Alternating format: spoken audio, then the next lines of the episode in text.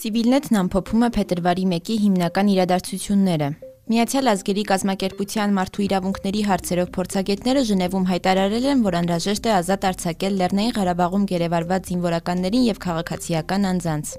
ՄԱԿ-ի փորձագետները նախազգուշացնում են, որ անհետ կորածների մասին տեղեկություններ չհայտնելը կամ ատյունների վերադարձը մերժելը կարող է գնահատվել որպես բռնի անհետացում։ ՄԱԿ-ում մտահոգված են, որ գերիները բռնի եղանակով անհետանում են, ենթարկվում են արտադատարանական մահապատժի, կտանքների եւ այլ տեսակի վատ վերաբերմունքի։ Այսօր խոշոր չափերով գումարներ հապշտակելու կասկածանքով ազգային անվտանգության ծառայությունը քնչական դեպարտամենտ է բերման ենթարկել Պաշտպանության նախկին նախարար Դավիթ Տոնոյանի նախկին խորհրդական Զենքի արխիվաճառքով զբաղվող Դավիթ Գալստյանին, որը հայտնի է Պատրոն Դավո մականվամբ։ Ազգային անվտանգության ծառայության փոխանցմամբ նա արտերկրում գրանցված ընկերության անունից նախարարության հետ կնքել է պայմանագիր գլխավոր շտաբի կարիքների համար մատակարարել 1983-ից 1986 թվականների արտադրության հրանոթի համապատասխան դրամաչափի կրակոցներ։ Սակայն պայմանագրին չհամապատասխանող գույք է իրացրել եւ նախարարությանը այլ մարտավարական եւ տեխնիկական հատկանիշներով էապես զիջող զենք մատակարարել։ Պաշտպանության նախարարության նախկին ներկայացուցիչ Արծրուն Հովանիսյանը հայտնել է, որ Շուշիի վերաբերյալ շատ բաներ իր համար անհասկանալի են։ Նա նշել է, որ պատերազմի 44 օրերի ընթացքում տեղեկությունները ստացել է միայն Պաշտպանության նախարարությունից, գլխավոր շտաբի օպերատիվից եւ Պաշտպանության բանակից։ Ես մինչև վերջին օրը որպես զինվորական պարտավոր էի հավատալ եւ հավատում էի, որ հաղթելու ենք, ասել է նա։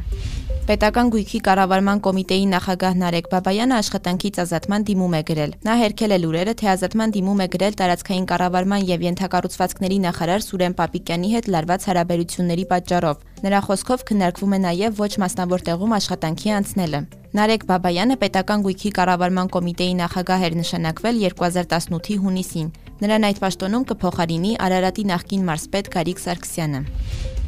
2020 թվականի հունվար-դեկտեմբերին տնտեսական ակտիվության ցուցանիշը 2019-ի համեմատ նվազել է 7.5 տոկոսով։ Ընդ որում, այն 2020-ի դեկտեմբերին 2019-ի նույն ամսվա նկատմամբ անկում է ապրել 8.8 տոկոսով, իսկ 2020-ի նոյեմբերի նկատմամբ աճել 27.7 տոկոսով։ Ինչպես հայտնում են Հայաստանի վիճակագրական կոմիտեից, 2020-ին ամենամեծ անկումը գրանցվել է ծառայությունների ոլորտում՝ 14.7 տոկոս։